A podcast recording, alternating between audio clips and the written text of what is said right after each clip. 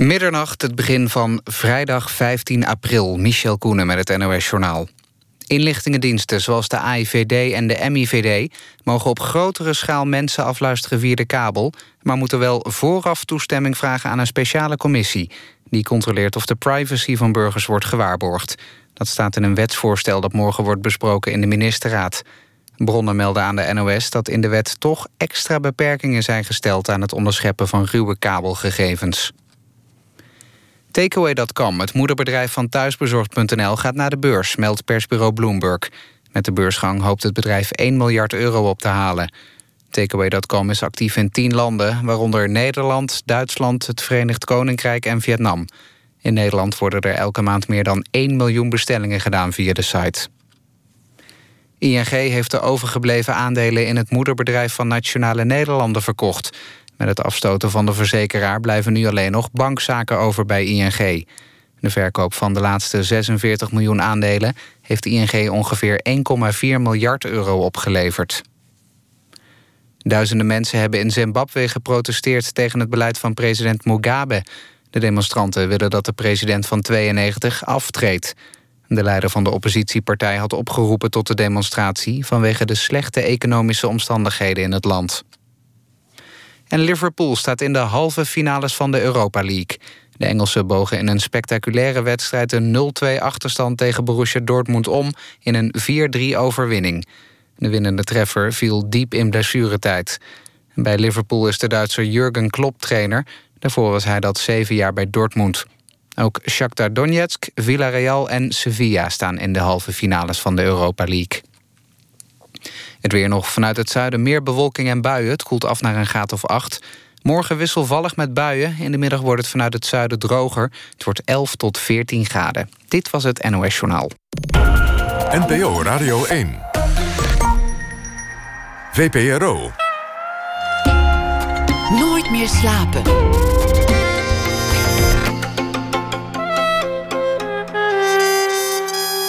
Met Pieter van der Wielen. Goedenacht en welkom bij Nooit meer slapen. Over de nieuwe film van Paul Verhoeven zal het gaan. Die is namelijk geselecteerd voor het filmfestival in Cannes. Een Franse film met daarin superster Isabelle Huppert. John Leerdam komt op bezoek. Zijn theatergezelschap Julius Leeft viert het tienjarig jubileum. En hij beantwoordt vragen uit de bak in Open Kaart. We beginnen met Roos Rebergen. Het is elf jaar geleden dat ik 16 was. Heet de bundel met poëtische notities. En die verschijnt deze week. Roos Rebergen, u had al uitgerekend dat ze is geboren in 1988. Is vooral bekend als frontvrouw van de band Roosbeef. Ineens was ze er, dat fenomeen roosbief, zo rond 2006. Toen kwam er een album. Ze willen je hond wel aaien, maar niet met je praten. Meer albums volgden en optredens in alle clubs van Nederland, in alle hoeken van het land. En de grote festivals van Nederland en België. Een bijzonder en voor sommigen ook moeilijk te plaatsen fenomeen. Haar laatste album verscheen alweer een jaar geleden. Kalf was daarvan de titel. En inmiddels woont ze al een poosje in Antwerpen. En de volgende verhuizing is in aantocht, namelijk de oversteek naar de Verenigde Staten. Roos Rebergen, welkom. Ja, goedenavond, nacht. Elf jaar geleden was je 16. Ja. Wat, wat, wat uh, schiet je te binnen als je aan dat moment denkt? 16 zijn, wie was je? Uh, ik was Roos Rebergen al. Um, Die was je al toen je geboren werd? Ja, ja.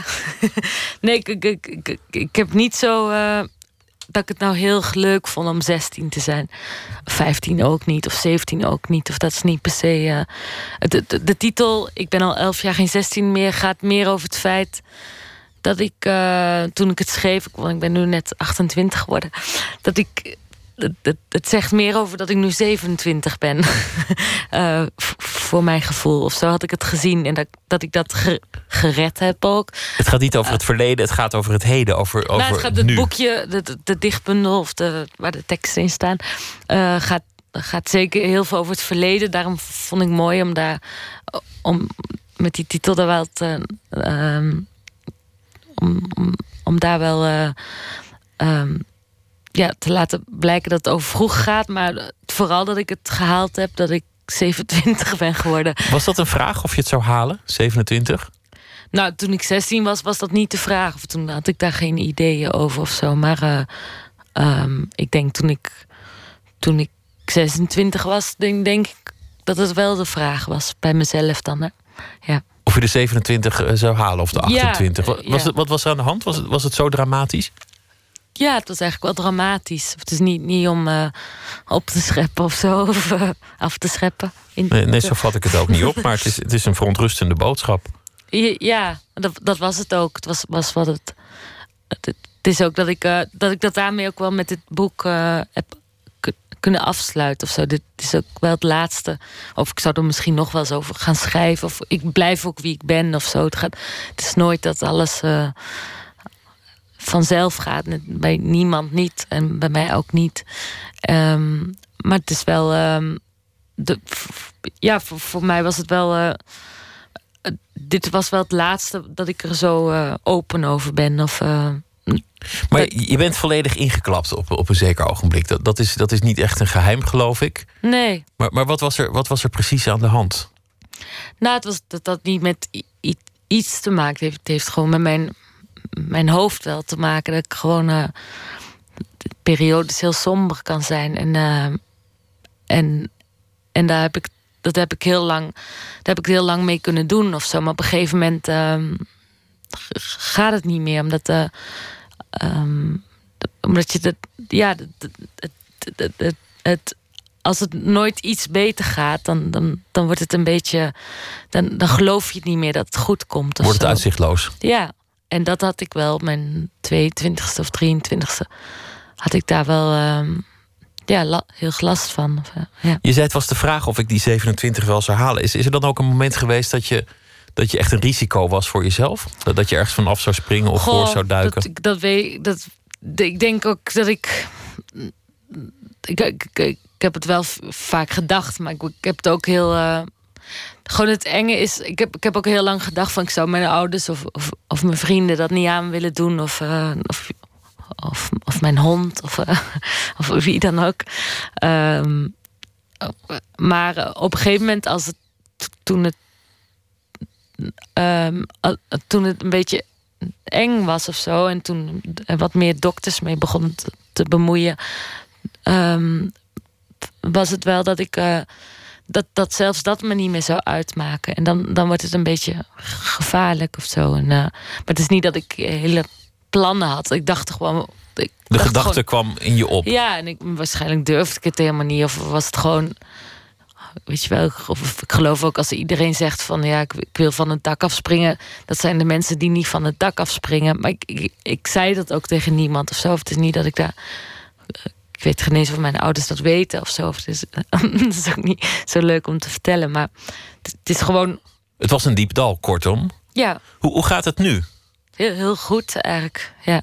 Maar dat is relatief kort, kort daarna. Wat is er ja, gebeurd? Dat, dat, dat, en dat is ook van ehm, wat ik heel graag geleerd heb. Van, eh, dat, je, dat je weet hoe snel iets goed kan gaan. En ook hoe snel iets fout kan gaan. Maar ook, ook hoe, hoe, hoe, hoe uitzichtloos het ook is. Dat het ook heel. ehm, dat het door kleine dingen ook eh, heel kan veranderen. En eh, dat, het gewoon heel de moeite is om, eh, om, om- om niet op te geven. En, en om je En wat waren die dingen? Liefde of medicatie? medicatie en, en, en, en dokters eigenlijk die mij heel, die het heel serieus namen.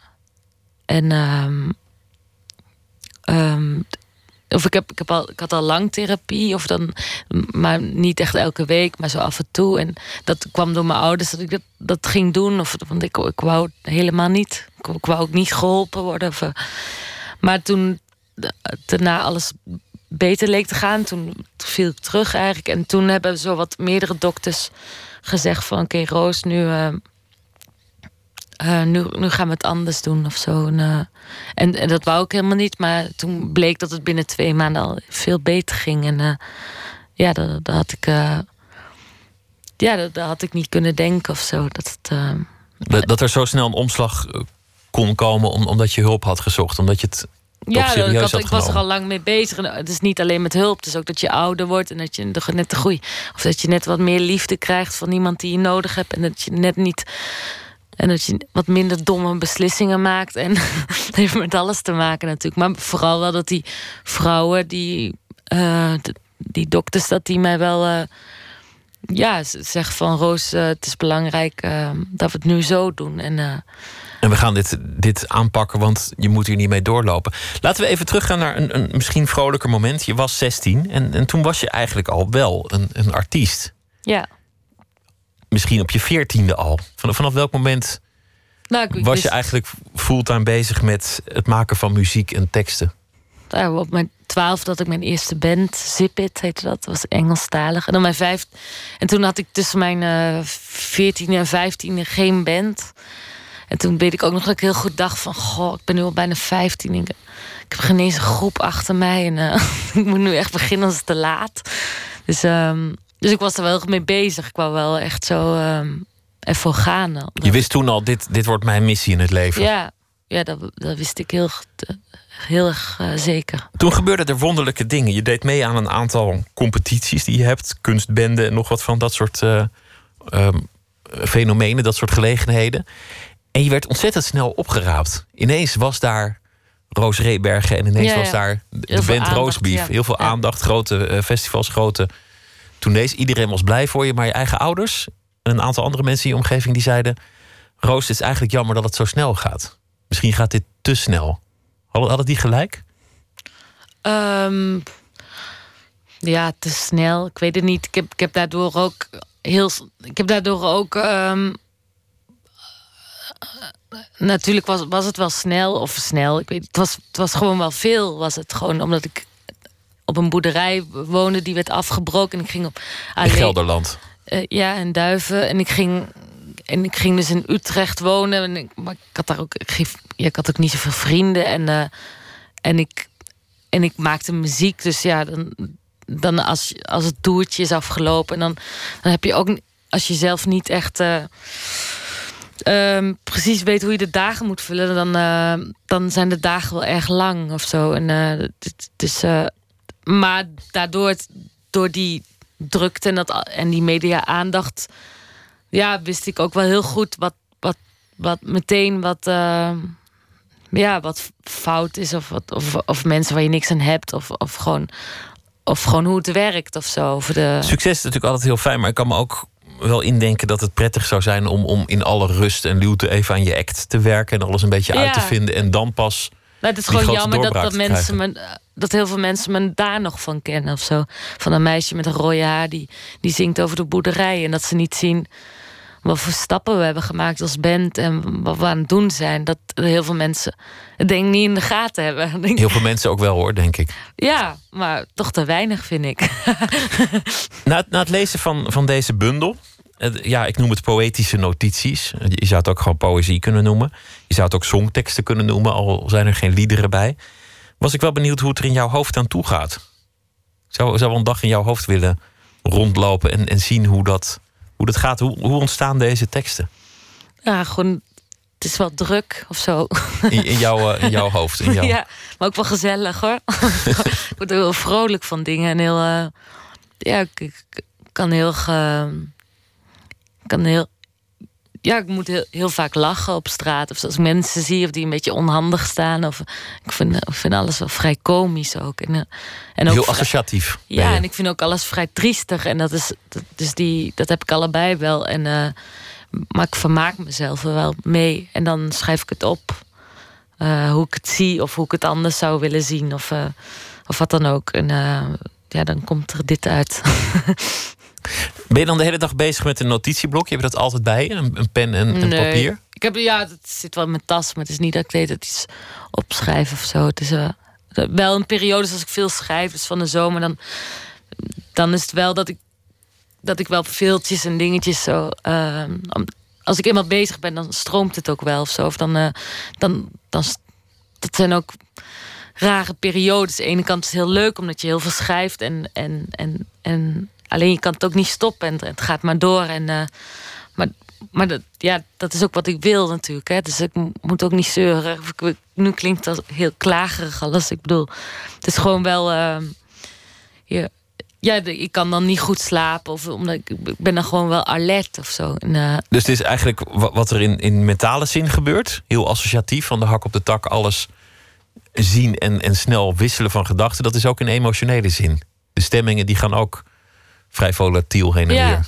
Eigenlijk wel, ja. Ik wil, ik wil je vragen om eh één of twee stukken uit de bundel voor Ja. te lezen. Dat, dat mensen een beetje een idee krijgen wat het is. Ja, oké. Ik zal het houden en er bang voor zijn. Ik zal niet alleen bang zijn dat het doodgaat, maar vooral dat het gaat leven. En uiteindelijk zijn eigen leven gaat leiden. En vooral het lijden zal me de das omdoen. Ik zal het kussen tot het zich niet meer laat kussen. Ik zal het van dieren en bomen laten houden zoals je van ze moet houden. Er is maar één manier en dat is deze. Ik zal onredelijk zijn, want dat gaat er moeilijk uit. Slaan helpt niet. Ik zal zorgen dat het net zo van zijn vader gaat houden als ik van mijn moeder geleerd heb. Ik zal het in bed laten liggen als het niet naar school wil. Ik zal het licht niet aanknallen. Ik zal het zachtjes laten weten dat de dag begonnen is. Ik zal altijd willen weten waar het is. Ik zal proberen daarmee op te houden. Ik zal het buurman een buurman laten kijken. Ik zal het voorlezen. Ik zal toegeven als het niet kan tekenen. Ik zal in Sinterklaas blijven geloven. Ik zal niet zeggen, kijk uit waar je loopt. Ik zal het naar een hobby brengen. Ik zal niet klagen. Ik zal het ook weer ophalen. Ik zal tussen de zwervers gooien. Tussen de gehandicapten en Marokkanen. Ik zal talen leren die ik zelf niet kan spreken. Ik zal er zijn. Ik zal ervoor blijven leven. Ik zal het de zee laten zien. En nog eens en nog eens en nog eens. Ik zal het houden. Wat als je zwanger zou worden, is eh, Ja. de gedachte die erachter zit. Wat als, het- wat als het nu een keer eh, misgaat? En, eh, of, is, of is het een heel, heel pregnant verl- verlangen om moeder te worden op dit moment? Nee, eigenlijk niet. Nee, dus het is echt de gedachte van wat Ja. als er iets scheurt en dan, en dan, dan is het zover. Het lijkt op je songteksten, maar, maar er is ook verschil. Zouden dit stukken kunnen zijn die ook op muziek belanden of is dat een ander proces? Nee. Nee, nee. Tenminste niet hoe, hoe ik muziek maak. Veel mensen doen dat soort gedichten op muziek. Dat vind ik altijd nergens naar klinken. Ehm, meestal. en eh, nee, omdat ik heb dit wel... Dit is wel een hele andere manier qua schrijven. Ik, ehm, toen ik eh, een jaar of 17 was... en voor het eerst in het Nederlands schreef...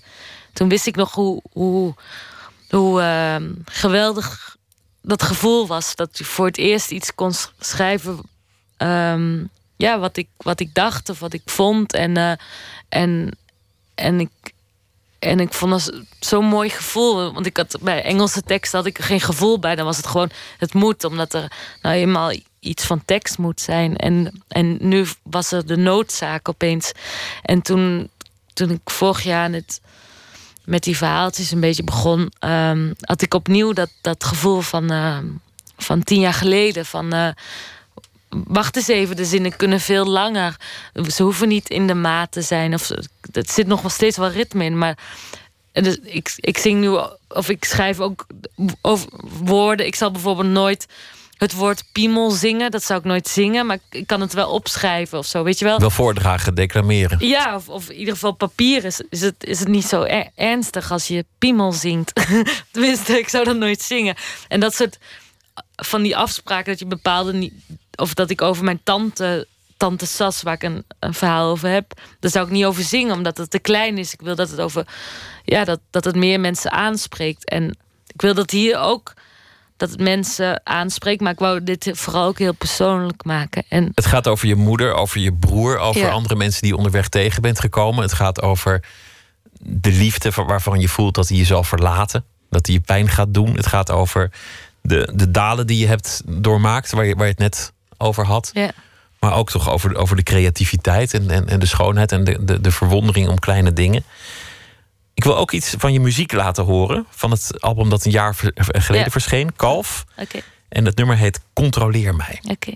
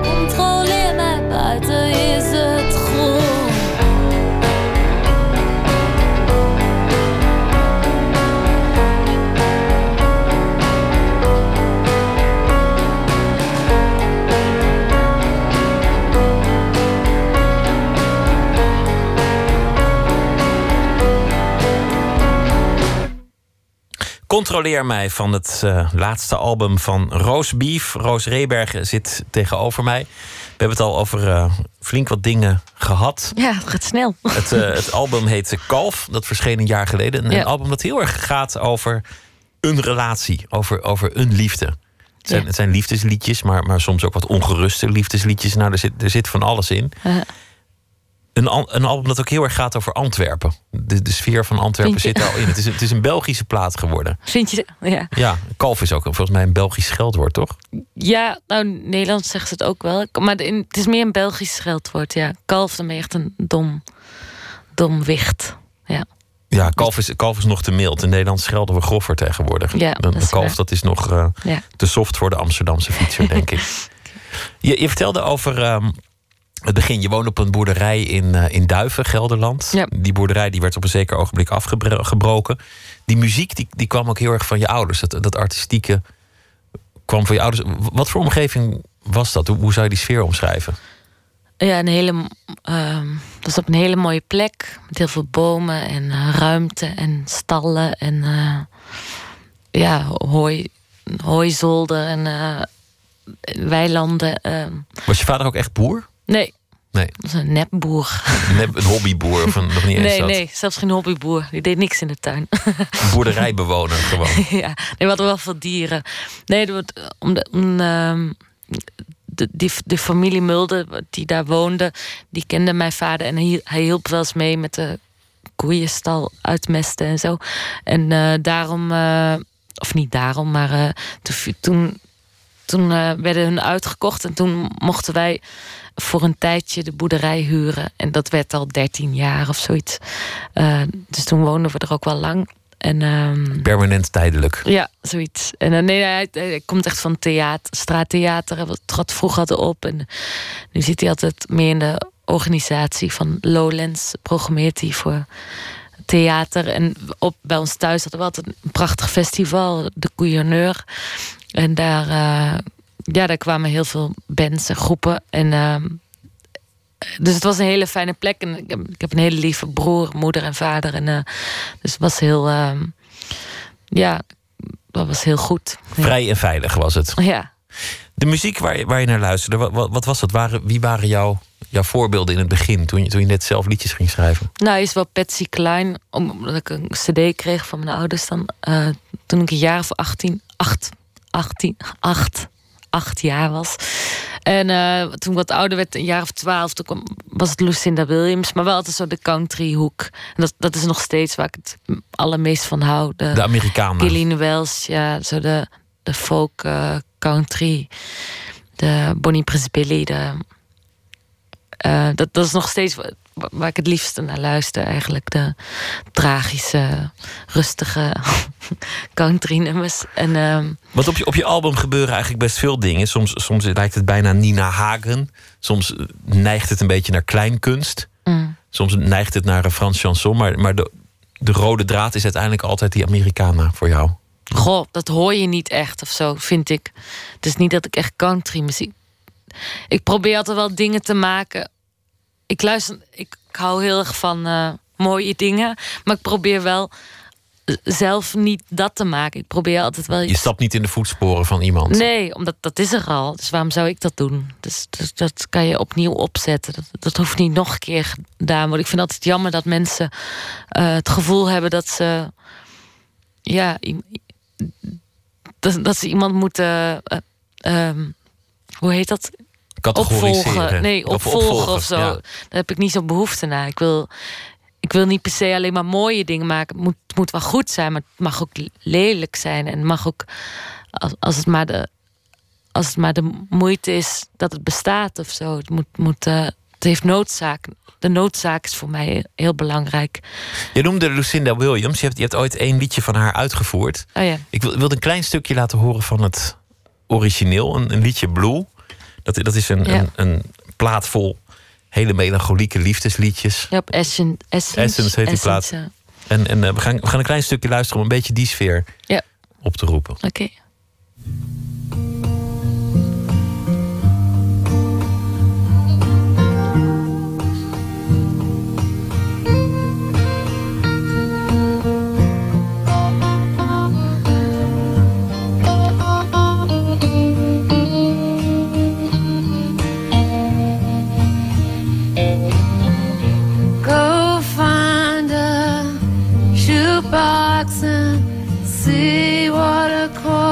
Dat jullie mijn versie zou draaien? Dat hoef Nee. je. I don't wanna talk. I just wanna go back to blue. Feeds me when I'm hungry and quenches my thirst. Loves me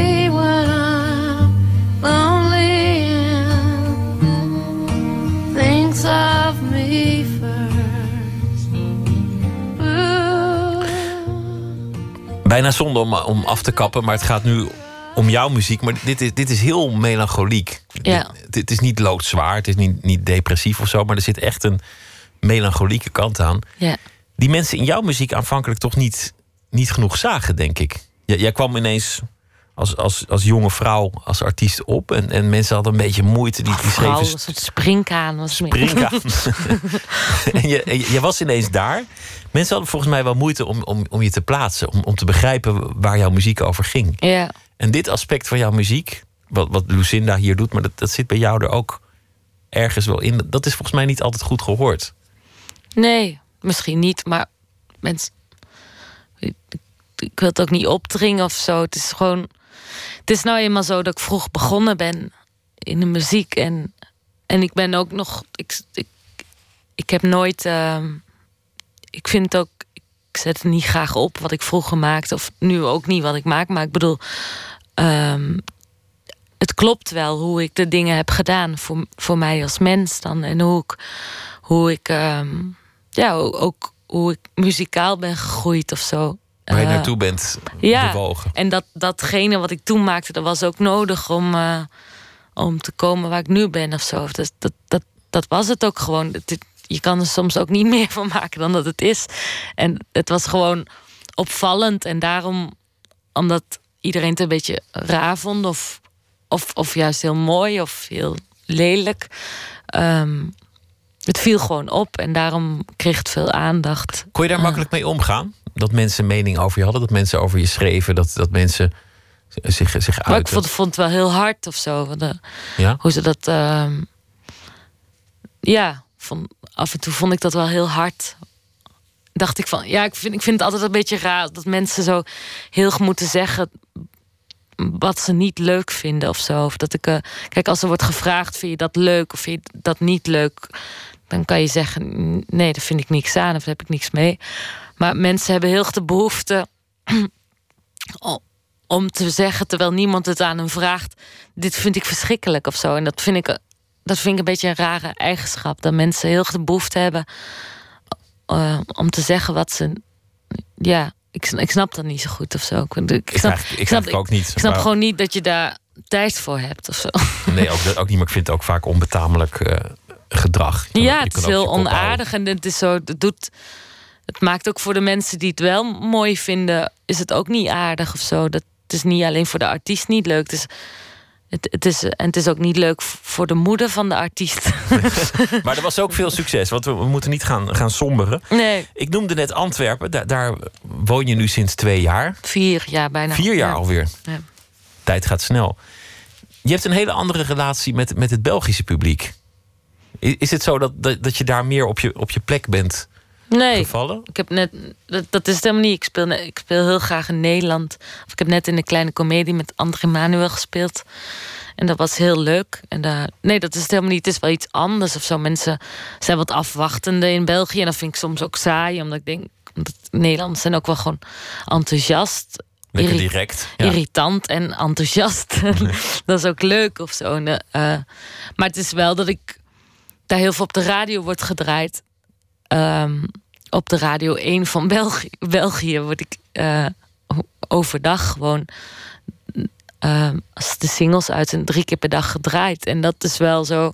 Dat het wel wat serieuzer wordt genomen of zo. Dat, het, uh, dat ze hier wel heel snel zeggen: ja, het past niet in het programma. En dan denk ik dat.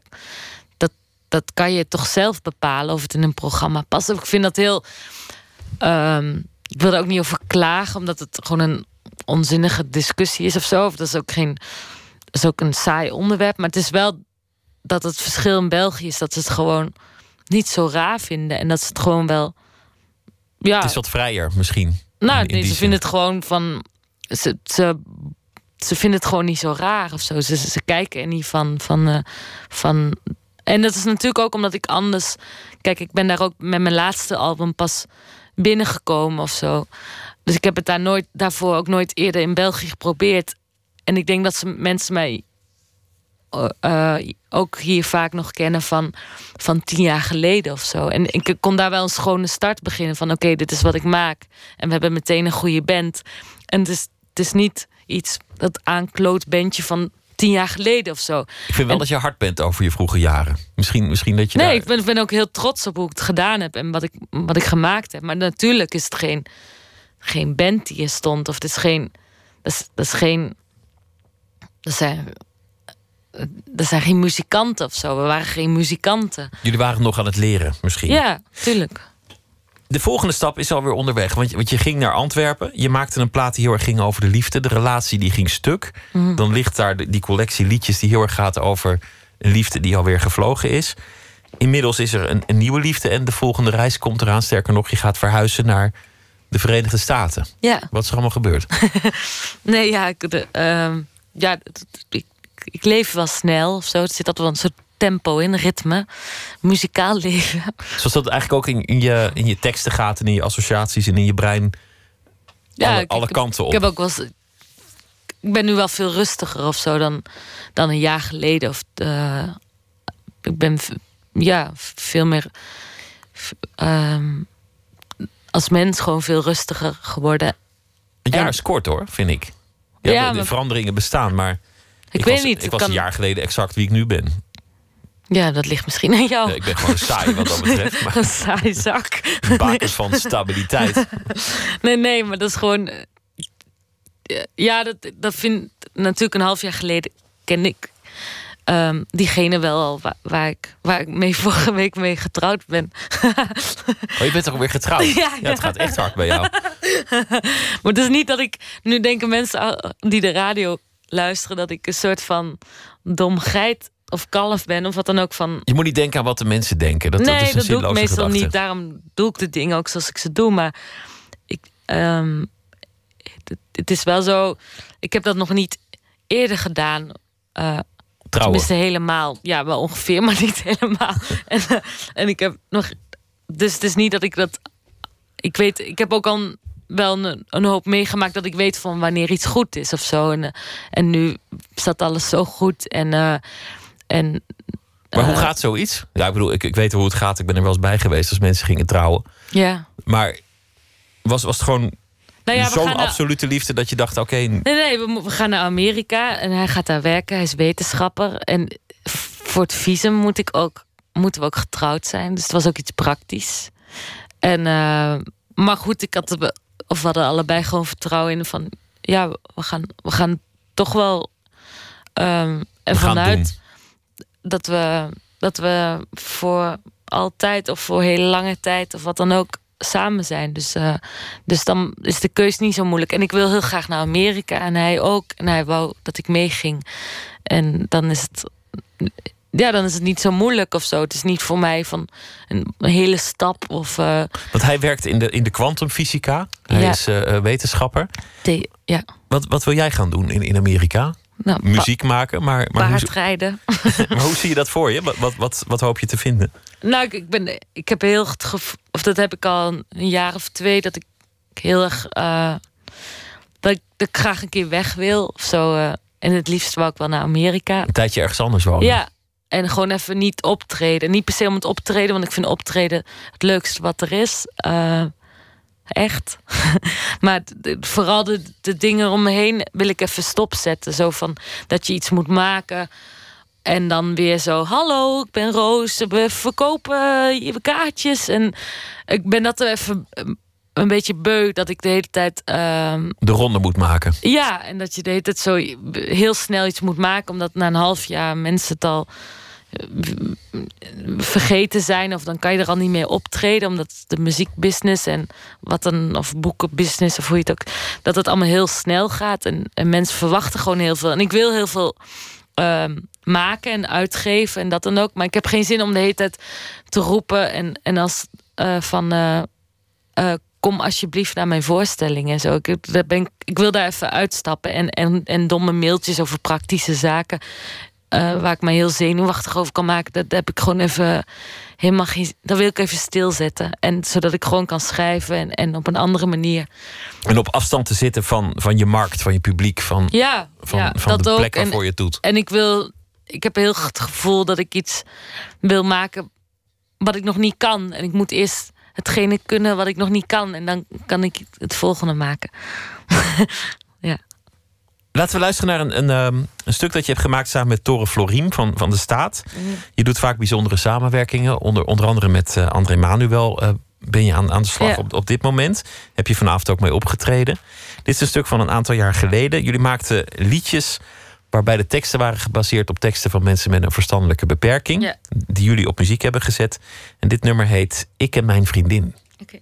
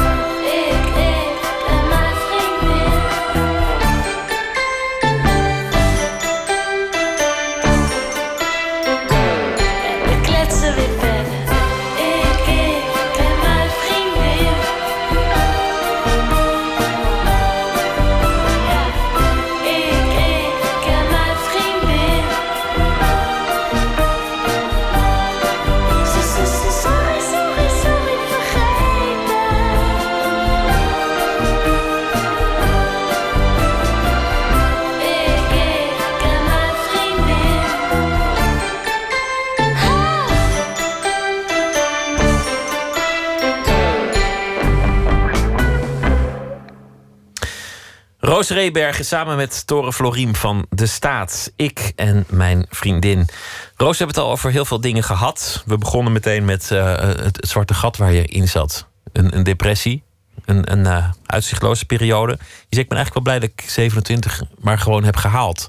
Het was misschien niet zo zeker. Je wilde, je wilde er niet mee koketteren. Je was een beetje bang om dat te doen. Maar je zei, als ik niet hulp had gekregen... dan weet ik eigenlijk niet of het wel goed was afgelopen. Ja, het is altijd raar om, om daar um, later... om daar te gaan bedenken wat was er gebeurd. Of weet je wel, het is zoals het is of zo. Het is ook, het is niet voor niets dat die... Dat het... Uh, ja, ik weet niet, ik vind het ook raar om, om te, nu te bedenken van oh, wat. Wat, wat, dat, als, wat als dat niet was gebeurd? Ja, nou ja, daar wil ik ook helemaal niet mee bezig zijn. Of dan was het misschien anders geweest. Maar wat, wat er wel dan op tafel ligt, is, is dat het waarschijnlijk altijd een risico zou blijven dat op de een of andere manier met jouw persoonlijkheid samenhangt. Met dat brein waar ook, ook je creativiteit uitkomt. Dat ook maakt dat je wonderlijke teksten maakt, mooie muziek kunt componeren. Ja, het is, Hyperassociatief, hypersensitief, weet ik hoe je het noemt. Ik ben ook geen psych. Maar daar, daar zul je toch altijd bij rondlopen. En op de een of andere manier zou, zou je iets moeten doen voor jezelf om dat gevaar weg te houden? Of, of ben je daar niet mee bezig? Nou, daar, daar, ben ik heel erg mee bezig. Daar heb ik, daar, ik slik daar medicijnen voor. En uh, ik heb daar heel veel met een, mijn vrouw over gepraat. En, uh, en, ik, en ik probeer trouw aan mezelf te zijn en de juiste beslissingen te maken. En uh, dus, dus daar ben ik volop mee bezig eigenlijk. Maar ik, ik weet niet, ik, ik, ik, zal, ik mag ook niet met die medicijnen stoppen of zo. En dat is wel een rare gedachte, maar het is nou eenmaal zo. En, uh, het heeft je creativiteit niet aangetast. Dat nee. het allemaal wat gedempt wordt nee, of, want of het. Het, het, is helemaal niet zo als je, als je gewoon heel ver weg bent. Is niet dat er iets Uitkomt. Nee, er komt niks. Er is niks. Die wil niks. Er bestaat niks. Daar heeft dus niemand wat aan. Heeft, nee. Toch is het interessant, om, omdat mensen je, soms hebben gezien als, als iemand die alle kanten op vliegt. Uh, om, omdat je die persoonlijkheid hebt. Ja, het klinkt bijna als een soort diagnose, maar, maar vooruit. Tegelijk ben je ook wel zakelijk. Je bent ook wel iemand die, die er dingen voor elkaar heeft. Die, die kan plannen, die er eigen management kan doen. Die, die de platenmaatschappij de bons geeft om het in eigen beheer op te lossen die, die de marketingplannen kan bedenken en weet. Ja, dan krijg ik ook heel veel hulp hoor. Het is niet dat ik zo. Dat klinkt allemaal heel stoer. Of maar zo, de CEO van, van de firma Roos ben je toch uiteindelijk zelf? Ja, dat is wat ik. Maar het is ook altijd een, een drummer die al tien jaar bij mij speelt en die zegt: Roos, je moet eens reclame maken voor dit, of ik zal dat wel doen. Of er zijn heel veel mensen. En een oude ex-manager, Marcel, die, die altijd nog. Uh, altijd nog voor mij zorgt. En een uh, boeker die nu wel gestopt is, maar die ook altijd heel lang uh, ja, zich voor mij heeft. Die heel in mij geloven of zo. En dus, dus ik, doe dat helemaal niet ze alleen zelf. Maar het is wel, ik, ik, heb wel iets zakelijks, dat denk ik wel. Ik heb wel een soort van. Um, ja, op een gegeven moment ken je het gewoon wel hoe het gaat. Het is niet zo'n groot land. Of uh, België, Nederland. is allemaal, je weet gewoon hoe dingen werken en hoe. Um, en uh, ja, dan heb ik wel iets. Uh, ja, als je de dingen is wel wilt... iets, iets wat je moet kunnen. Je moet jezelf kunnen, kunnen verkopen. Je, jezelf kunnen managen, boekhouden. Hele, ja, hele ja, ik heb een hele goede boek. Ik doe heel veel dingen niet zelf hoor. Dus, de boekhouding dan weer Nee, niet. en mijn vader die nog de, uh, de, de, factuur voor ons schrijft. En uh, ik doe echt heel veel dingen niet. Vooral ook. En ik doe ook heel veel dingen wel, maar dat, uh, een beetje nou ja, af, gewoon heel duidelijk zijn in wat ik wil of zo. En, en, dat, en dat is wel belangrijk. Of dat je, dat je een soort van uh, nou, doel hebt of zo. Van uh, oké, dit, dan, dan wil ik dat gedaan hebben. En dan wil ik vooral in mijn, in mijn werk en niet per se waar ik wil staan. Of, uh, want dat valt ook niet echt te organiseren. Je kan het wel zeggen, maar dat, dan gaat het niet door of zo. Dus um, het is gewoon het is voor mij heel, heel belangrijk dat ik gewoon weet wat ik. Uh, qua wat ik maak, wat ik wil doen of zo. En, en daar ben ik wel goed in, denk ik. Ben je er ook achter waar jouw kracht zit, wat jouw talent is? Wat jou de moeite waard maakt? Omdat je net vrij streng oordeelde over sommige dingen die je vroeger hebt gedaan. Af en toe ook een soort twijfel uiten van... oeh, het komt wel binnen als mensen het niet begrijpen. Of, of het gewoon niet leuk vinden. Ja. Dat kan natuurlijk ook. Ben je er wel achter wat in de essentie de noodzakelijkheid is van jouw Nou, muziek? De noodzaak is omdat ik niet anders kan. En dat ik het heel gevoel heb Je zou niet bestaan als je het niet zou doen. Ja, en het klinkt heel zwaar, maar dat is wel zo. Het is gewoon, dat is gewoon zo. En ik, ik ben gewoon geboren als artiest. En dat wist ik al toen ik vier was. En ehm, kijk, ik werk nu ook af en toe in een bar. En dat kan ik, kan ik ook best aardig. Cappuccino's en zo. Maar eh, ik, daarvoor zou ik niet ehm, op deze wereld willen blijven. Nee, ik, ik, ik wil op deze wereld blijven omdat ik omdat ik dingen kan maken en om met mijn beste vrienden te kunnen spelen. eh, bijvoorbeeld net in een kleine komedie. En, en om daar mensen een andere avond te geven. En, en, eh, en dat ze het nieuws vergeten. En, en al die fucking onzin. Dat wil ik of zo. Hoe je het formuleert vind ik, vind ik wel mooi, maar het geeft ook een enorme urgentie, omdat er een soort afgrond in, in de formulering zit. Ik wil blijven leven om, of ik wil op deze wereld blijven om dit te doen. Ja, maar dat is het ook. Daar zit, daar zit al de noodzaak in van, nou ja, als, als dit er niet is, dan, dan, dan zou het voor mij niet hoeven. Bijna alsof je de keuze hebt gemaakt om te leven. Ja, dat heb ik ook gemaakt. Ik heb, ik heb, die heb ik gemaakt. Ja. Ik ben altijd gefascineerd door hersenen. Vind, ik- vind ik gewoon altijd interessant. Hoe werkt dat? Stofjes, stroompjes. En, en dan Mhm. weet je dat één kwapje net anders zit of, of een ander dingetje. En waar jouw man mee bezig is, dat vind ik ook wonderlijk. De, de Ja. kwantummechanica. Ja. Dat er dan één heel klein deeltje is dat net iets anders zit dan een ander klein deeltje. En dan krijg je een soort explosie en dan een oerknal. En dan zit je ineens opgeschreven met een universum. ja. Dat er weer een paar miljard jaar aan het, aan het uitdijen is. En dan ergens in een hoekje, daar ben jij dan, dan neergeflikkerd. Heb je daar inmiddels vrede mee? Wa- waarmee? Met, Met, met de uitzichtloze totale onzinnigheid van alles.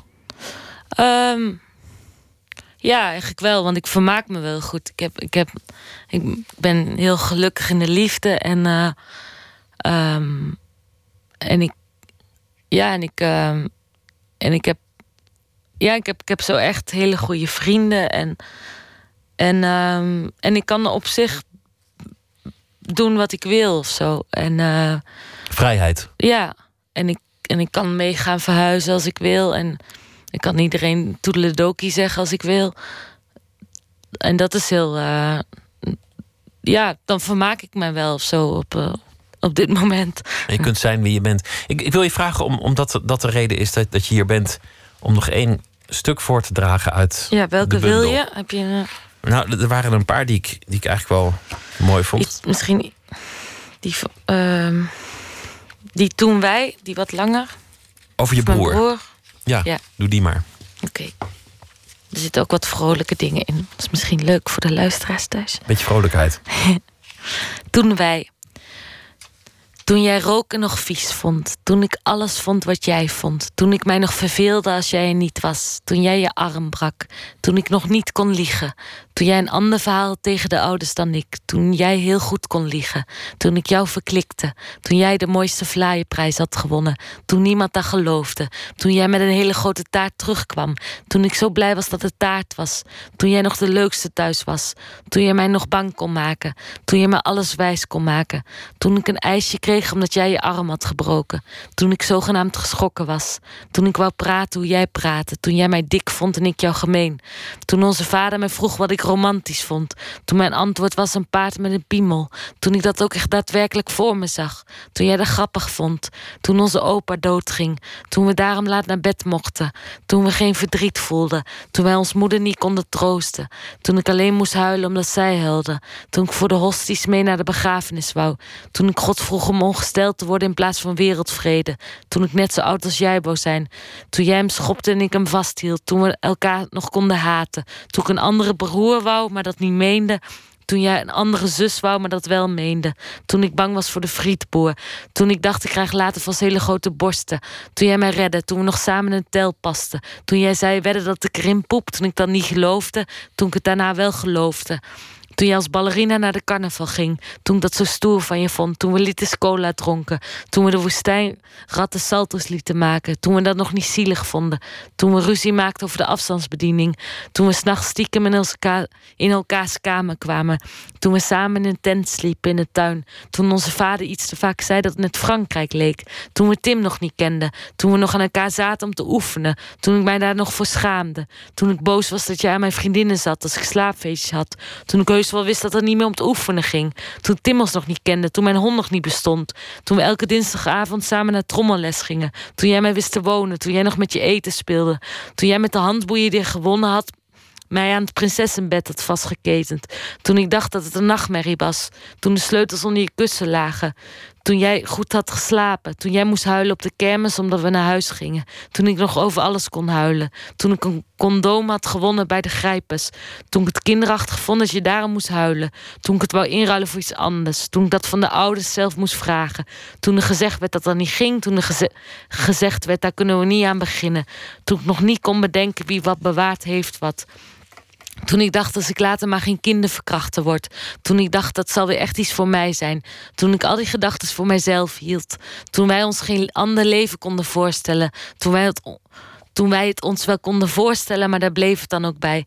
Soms mis ik het nauwelijks, maar nu jij een kind krijgt en een huis koopt, meer dan ooit. Beloof me dat het een broer gaat krijgen. En stop met roken, sukkel. Voor je broer uit de bundel. Ik ben al elf jaar geen 16 meer. Vond hij het leuk, je broer? Nee. Nee? Wat zei hij dan? Nee, ja, ik mag er eigenlijk niet over praten. Nee, die vindt het oh. niet zo leuk.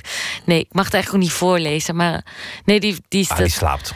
Die slaapt. Nee, het heeft hem geraakt of zo. Maar hij begrijpt niet helemaal dat het een dat het vooral voor mij gaat en dat het een ode aan hem is. En dat ik zo dankbaar ben dat hij bestaat. Ja. Roos Reberg, dank dat je te gast wilde zijn. Ik vond het leuk om met je te praten. Dankjewel, ik ook. En heel veel succes met de verhuizing en alle avonturen die er, ja. die er aankomen. Dankjewel. Dank je. Maandag uh, wordt in Nooit meer slapen de bagagedrager 2016 uitgereikt. Een prijs voor een jonge schrijver die een bijzonder reisverhaal hoopt te maken. De genomineerden die stellen wij deze week voor. Pim Lammers, 22 jaar, studeert Nederlands en politicologie. Werkt in het geheim, nou ja, niet zo heel geheim, aan zijn debuutroman. Hij hoopt een voettocht te maken van Groningen naar Zuid-Frankrijk. Elf jaar geleden deed ik mee aan uh, Kinderen voor Kinderen. Ik zong toen het liedje Papa doe niet zo idioot. En dat liedje had ik toen gekozen omdat mijn vader altijd een beetje rare dingen deed. Um, ik begreep hem niet altijd. En waarschijnlijk begreep hij mij ook helemaal niet. Uh, daarom had ik dat liedje toen uitgekozen. En dat liedje heeft eigenlijk best wel een belangrijke rol in mijn leven gespeeld. Want ik ben het liedje nooit meer uh, verleerd. Ik weet nog steeds precies hoe de tekst gaat. En dat komt eigenlijk doordat mijn vader niet veranderd is. Papa, doe alsjeblieft normaal.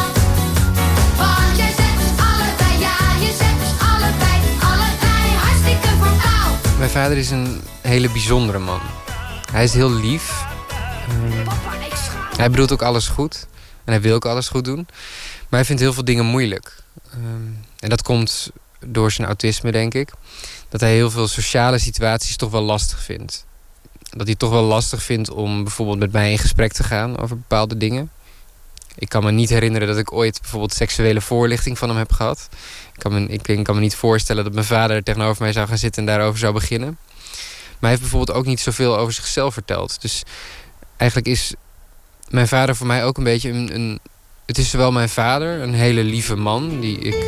Uh, maar die ik tegelijkertijd niet echt ken. Voor, voor mij is mijn vader ook nog een beetje een mysterie. Toen de vader van Pim tijdens het avondeten plomp verloren vertelde over zijn autisme, vielen veel puzzelstukjes op hun plek. Ja, ik denk wel dat het een opluchting was toen hij vertelde dat hij autistisch was. Um, omdat op zo'n moment leer je heel veel dingen ook plaatsen. Waarom uh, bepaalde gesprekken bijvoorbeeld nooit zijn gevoerd. Um, bijvoorbeeld als we in de auto zaten zat ik, en ik zat naast hem, dan, dan praten we eigenlijk niet. Waren we eigenlijk altijd stil. En enerzijds vond ik dat ongemakkelijk of vervelend. Maar aan de andere kant was het ook wel heel fijn. Omdat we gewoon stil met elkaar konden zijn. Maar nu ben ik ouder en heb ik meer de behoefte om met hem te praten. Om dingen te weten. Hoe het zat, hoe het, hoe het zit.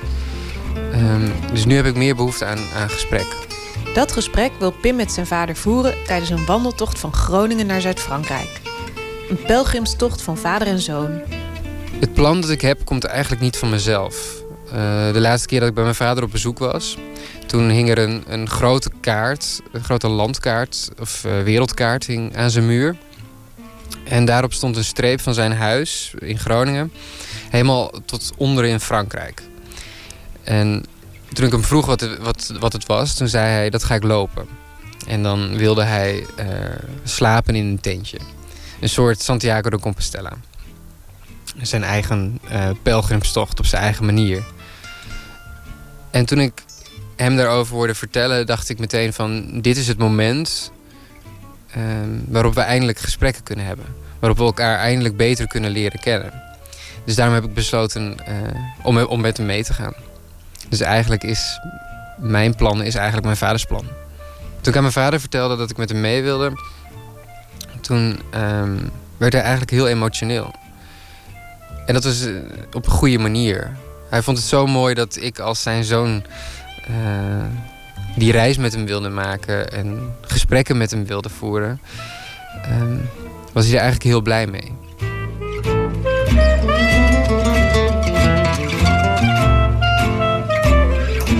Ik weet niet wat de reis ons kan brengen. Ik ben nog nooit langer dan een dag met mijn vader alleen geweest. Dus ik weet niet hoe het zou zijn als ik langer dan vier weken met hem op reis ben. Want als ik deze reis ga maken, dan betekent dat dat ik wekenlang, dag in dag uit met mijn vader ben. Dat we lange wandelingen maken, dat we samen in één tentje slapen. Ik heb eigenlijk eerlijk gezegd geen idee wat ik ervan moet verwachten.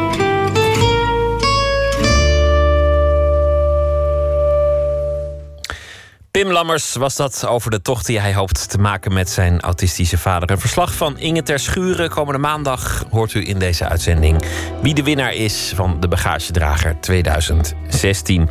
Zometeen gaan we verder met Nooit meer slapen. Ivo Victoria, een Vlaams schrijver woonachtig in Nederland, die zal een verhaal schrijven bij de voorbije dag en dat voordragen. Verder een gesprek met Tom Lanois.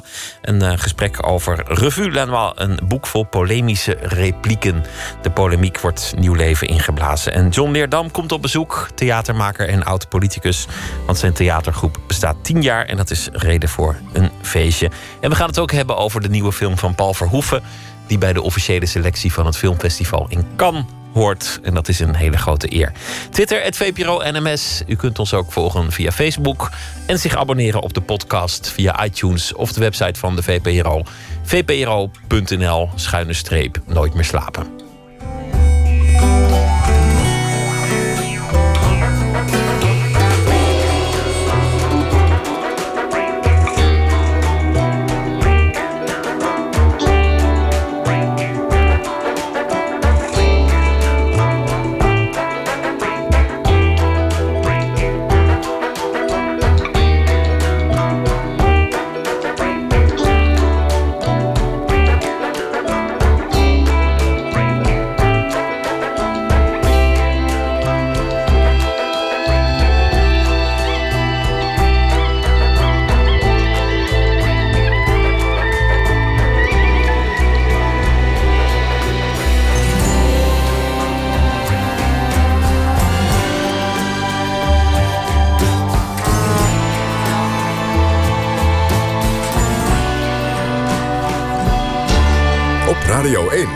Nieuws van alle kanten.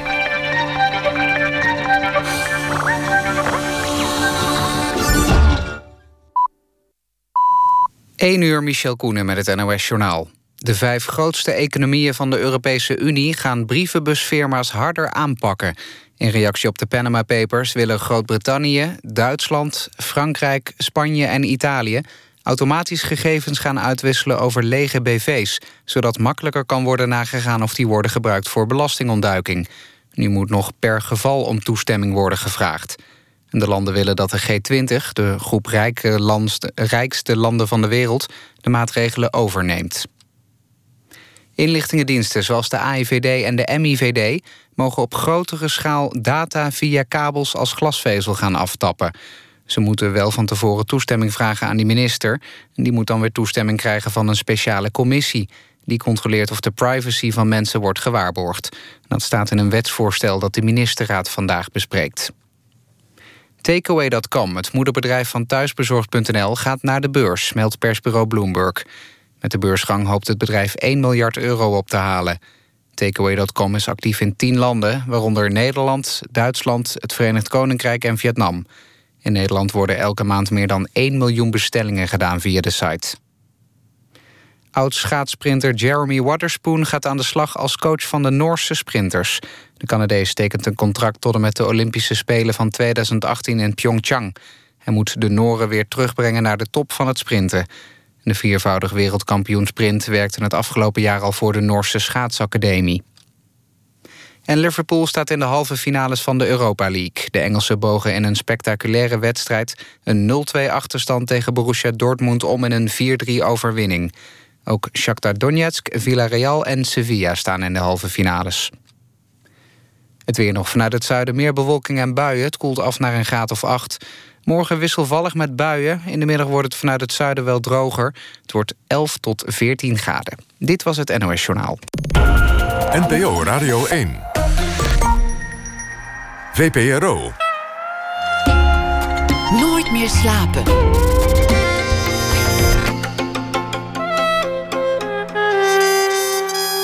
Met Pieter van der Wielen.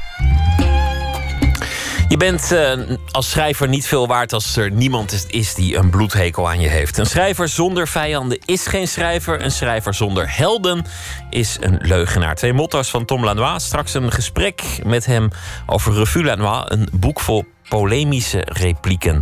En een gesprek met John Leerdam. Zijn theatergroep bestaat tien jaar. We beginnen met Ivo Victoria, Nederlands-Vlaams schrijver... die deze week elke nacht een verhaal zal maken bij De Voorbije Dag. Hij heeft drie romans geschreven.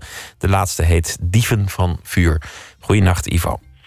Goeienacht, Pieter. Vertel eens, hoe, hoe was de dag? Uh, ja, uh, prima dagje wat mij betreft. Um, ik, uh, ik wilde het graag een keer met jou over het eeuwige leven hebben. Het eeuwige leven? Een hier op aarde of elders? Ja, dat is een goede vraag. Ja, nee, uh, dat maakt dan veel niet zo heel veel uit. Uh, niet, niet het eeuwige leven in fysieke vorm, zal ik maar zeggen. Um, hoewel daar ook steeds meer aan gebeurt, wetenschappelijk gezien. maar nee, ik zag zo'n bericht zoals ik dat de laatste tijd wel vaker zie. Namelijk um, een Amerikaanse man in dit geval, die een brief ontving van zijn vader die enkele jaren geleden overleden is.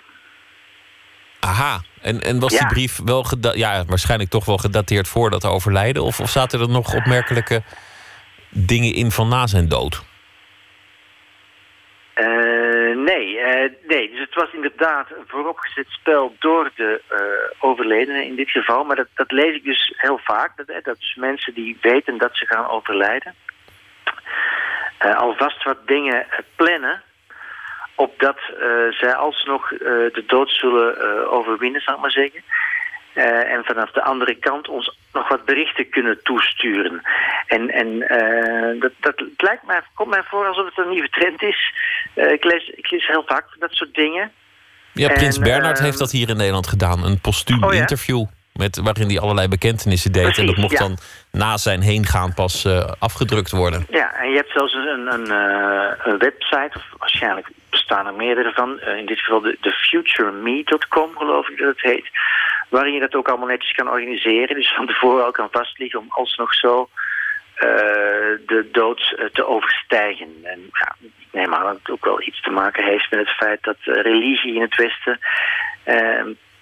niet langer meer uh, zo uh, van belang is voor ons. En, en, en wij graag nu het uh, heft in eigen handen nemen wanneer het gaat over het eeuwige leven. In plaats van het over te laten aan een god van een of andere soort. Kennelijk. Ik ben benieuwd naar het verhaal dat het heeft opgeleverd. Hier gaan we. Een week of twee nadat Mathieu zijn moeder had begraven, stond ze naast hem in de keuken. Het was twee uur s'nachts. Hij kwam net van een vermoeiend feestje. En de hitte van het tosti-ijzer, verpakt in de geur van geroosterde ham en smeltende kaas, sloeg hem in het gezicht. Hij keek op en daar stond ze.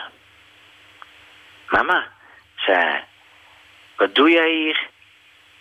Maar schat, ik heb jouw berichtjes toch gehad, zei zijn moeder. Het was waar dat ze haar begraven hadden met haar mobiele telefoon in de linkerhand. Dat had nog wat gedoe opgeleverd. En daarna een hoop extra geld in gesjoemel om de grafdelver zo ver te krijgen een stroomkabel naar het graf te trekken. Netjes verstopt in een sleuf in de grond. Nadat de rouwenden de begraafplaats hadden verlaten, hadden ze daar de oplader ingestoken, die ze middels een gaatje door de kist in de mobiele telefoon plugden. Bereik was een andere zaak, maar dat bleek mee te vallen. Uiteindelijk zou de vocht en ongedierte het toestel onklaar maken, een kwestie van maanden, dacht de graf, grafdelver. En dan zouden ze ook de stroomkabel weer verwijderen. Maar Mathieu hechtte aan die maanden. De luttele tijd die restte, waarin zijn kinderen oma konden sms'en in de wetenschap dat zijn moeder die berichtjes ook echt persoonlijk ontving. En natuurlijk zou ze niet antwoorden, maar dat deed ze in de laatste maanden van haar leven toch al niet meer. Het ging om de mogelijkheid. Het was een aanlokkelijke gedachte in situaties als deze, de enige ware troost waar elk mens zich aan vastklampte. Dat de naaste, door onherroepelijk te verdwijnen, een terrein van oneindige mogelijkheden had betreden. Wanneer de kinderen er naar vroegen, probeerde hij het zo overtuigend mogelijk te brengen. Natuurlijk kon oma hen zien. En natuurlijk miste ze hen en las elk bericht dat ze haar stuurde, daar, in die nieuwe wereld. Waar zij alles was, waar ze bij leven van had gedroomd. En nu stond ze naast hem in de keuken. Geen haar veranderd, geen spoor van modder of vocht of wat dan ook. Jongen, heb je er boter aan de buitenkanten opgesmeerd, zei ze. Je weet, dan blijven ze lekker smeug. En ze wees op de tosties. Mama, zei Mathieu, je bent dood. Je moet terug. Ik kan er ook niks aan doen. Ja, maar schattenbout, antwoordde zijn moeder. Mag ik niet nog één keer de kinderen zien? Je weet, dat zijn mijn engeltjes, hè. Mathieu dacht aan de verwarring die zich meester zou maken van de kinderen als bleek dat oma uit het graf was opgestaan. En hoe zou hij uitleggen dat ze weer terug moest? Plots speet alles hem vreselijk. Hij had meer aandacht moeten geven. Wellicht had zijn moeder dan niet eens de behoefte gevoeld om te verreizen. Het was zijn schuld. Alles. En dit zei hij ook, luidop, terwijl hij voorovergebogen stond met zijn ogen dicht en zijn tranen sissend verdampten op het gloeiend hete tosti-ijzer. Hij durfde haar niet aan te kijken. Zijn moeder kon van een volwassen man een angstig kind maken met één blik. Maar nu zei ze niks. Mathieu voelde geen beweging. Ze moest begrijpen dat hij aan de kinderen moest denken. Dat begreep ze toch wel. Hij keek op en dan opzij. Ze was weg. Over het verlangen om over je graf heen te regeren, na de dood voor te leven, om te spoken en iets te laten horen uit de volgende wereld of uit het niets. Ivo Victoria, dankjewel. Goeienacht en morgen graag weer een verhaal. Zeker. Tot morgen, Pieter. Tot morgen. De Bokies, een Amerikaanse band van uh, muzikanten van High Records en muzikanten van het label Stax. Soul, blues en jazz zijn de ingrediënten. Binnenkort komt er een plaat uit, Heartaches by the Number, waarop dit stuk staat: Cold, Cold Heart.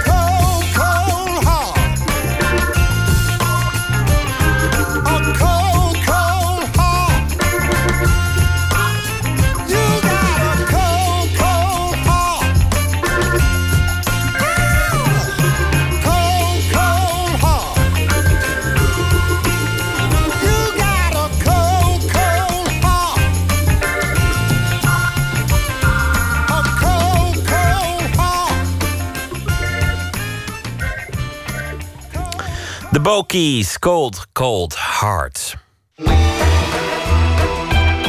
Nooit meer slapen. Een schrijver zonder vijanden is geen schrijver. Een schrijver zonder helden is een leugenaar. Dat zijn twee motto's van de Belgische schrijver Tom Lanois.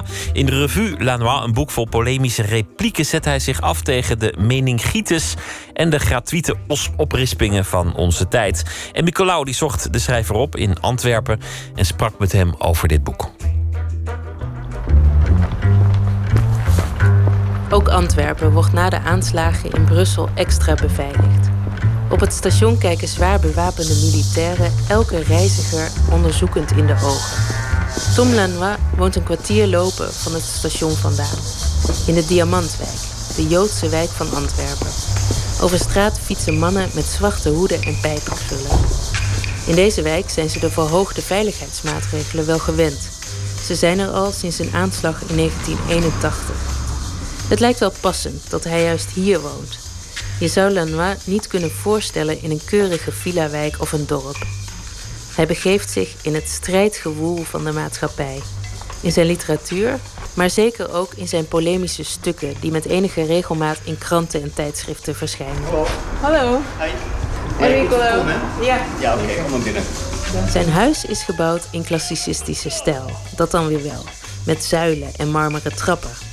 Maar ook dat klassieke past wel bij Lanois en zijn werk. Uh, het is uh, tweede verdieping, ze hebben een paar uh, trappen die je moet doen.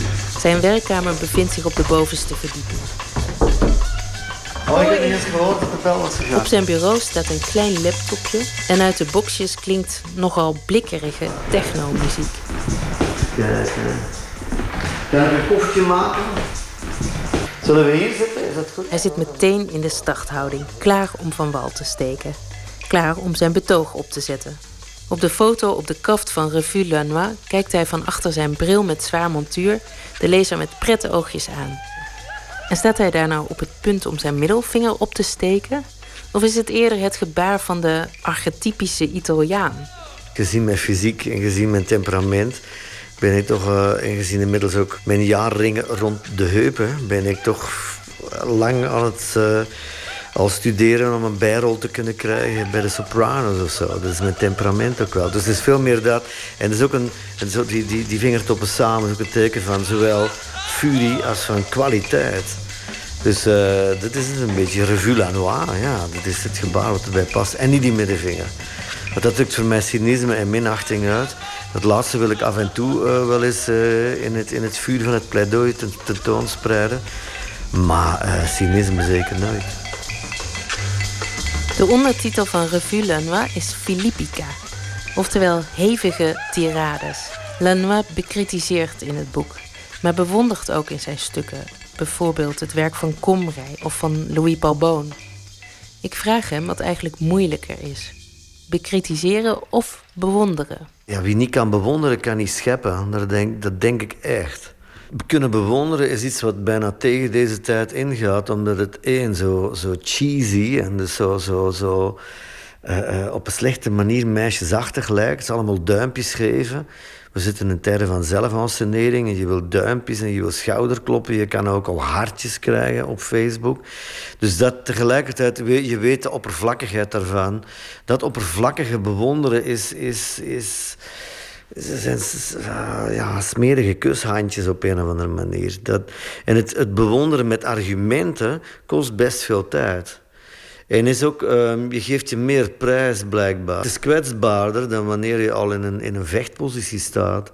Dus er is een grote liefde voor uh, wat ik in het, de rest van het boek doe. Dat is het attackerende, het aanvallende, het... Uh, het uh, woedende stampvoeten op een, op een liefst ook uh, toch nog altijd een eloquente manier. Maar het is eigenlijk moeilijker. Uh, dat is me toch ook om, om emotie te tonen. De polemiek, of het gevecht op papier, leerde Lanois kennen uit de geschriften van Gerrit Komrij, die hij een genadeloze satiricus, een satanische columnist en een ongebonden scherpschutter noemt. Ik was net afgestudeerd, uh, dus 22. Um, heel gretige lezer. Ik had allerlei plannen van wat ik wou. Ik wou gaan optreden met eigen teksten, voor toneel ook schrijven. En opeens ja, lees ik ook, dat was voor mij de ontdekking van een genre, die polemieken van Gerrit. Iedereen heeft zo wel een moment dat je er ook een rol ontdekt via een groep. Maar die groep blijft dan altijd heel bijzonder. Ja, de eerste lief, je eerste keer vrijen, dat, dat, dat vergeet je nooit. Wel, dat was bij Gerrit Komrij en Averechts vooral. Dat boek Averechts. En hoe hij mensen dan... Uh, nou ja, de, de mantel uitveegde en, en, en belachelijk maakte, veel, veel binnen het. Hij doet dat veel meer dan ik. Hè. Ik ben geëvolueerd, denk ik, naar, een, naar dit soort... Dit zijn mijn columns. Dat zit, uh, zit tussen essays en tussen die, die satirische dingen in. Lanois zet de Nederlandse protestantse cultuur af tegen de katholieke Vlaamse. Een cultuur waar hij zelf uit voortkomt.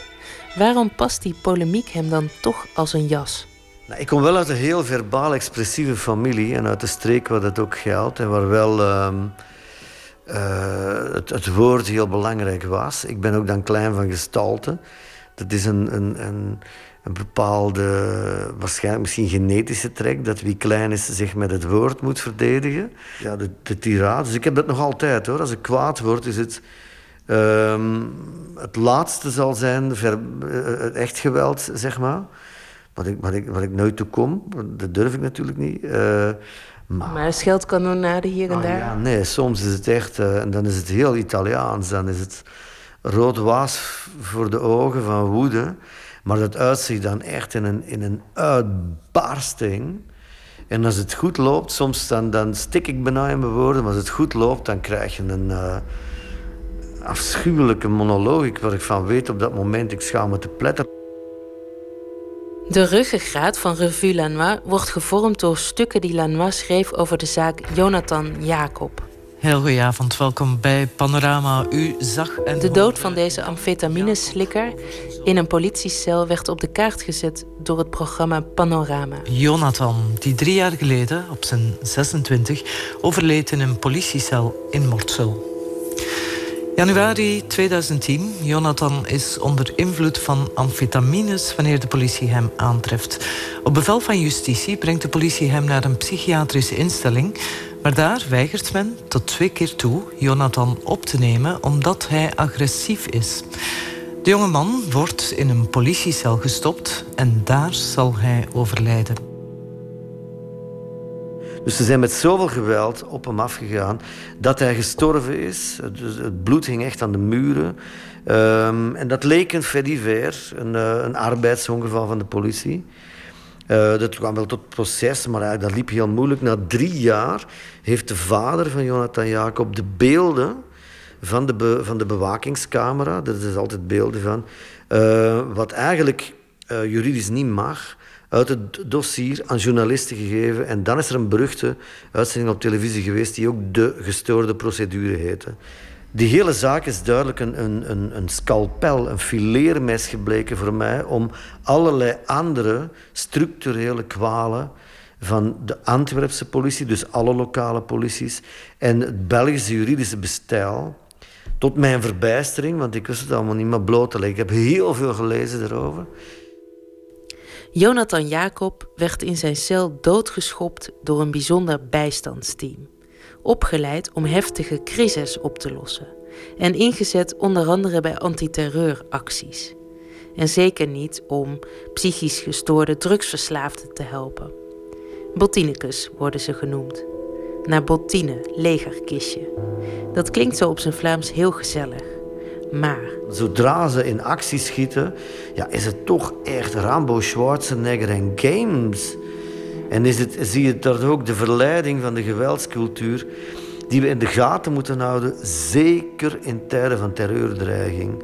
En dat is nou iets waar, waar ook al zo lang juist eh, op, op, op constant hamert, dat in, in tijden van terreurdreiging wij zelf een aantal vrijheden en bewakings mechanismen opgeven in naam van de antiterreur, maar die uiteindelijk mee een onderdeel van de terreur worden. De dood van Jonathan werd volgens Lanois gezien als collateral damage, bijkomende schade.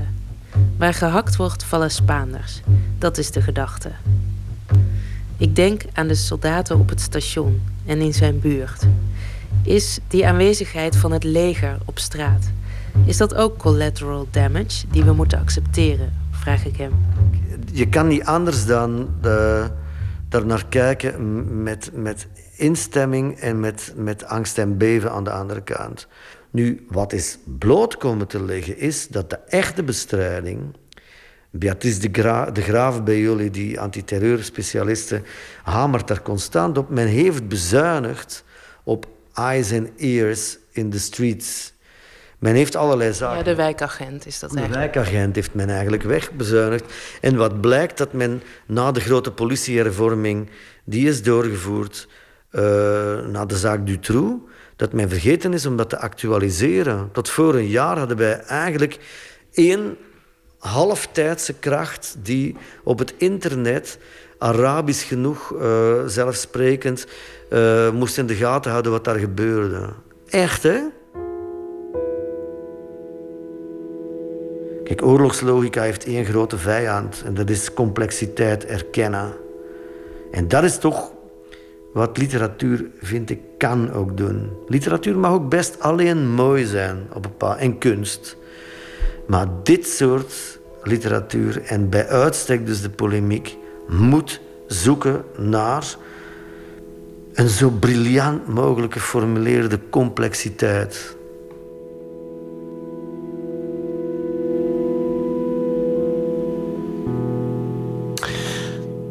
De stukken van Lanois zijn gebundeld in Revue Lanois. En verslaggever Emmy Colau die sprak hem in zijn woonplaats Antwerpen.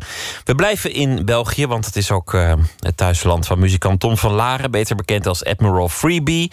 Zo'n 15 jaar geleden begonnen. Een beetje toen in de stijl van Neil Young. Hij heeft uh, allang zijn eigen geluid ontdekt. We gaan luisteren naar Maybe This Is The End.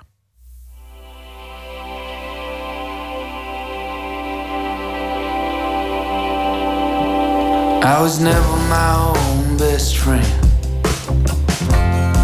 And I was not always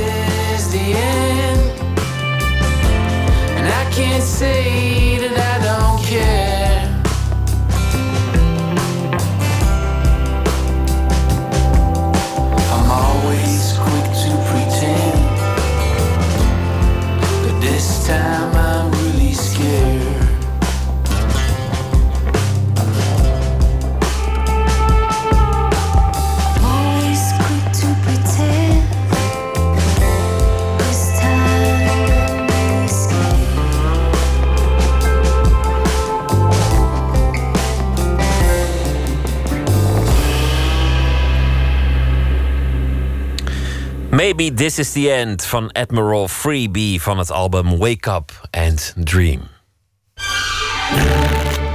Open kaart.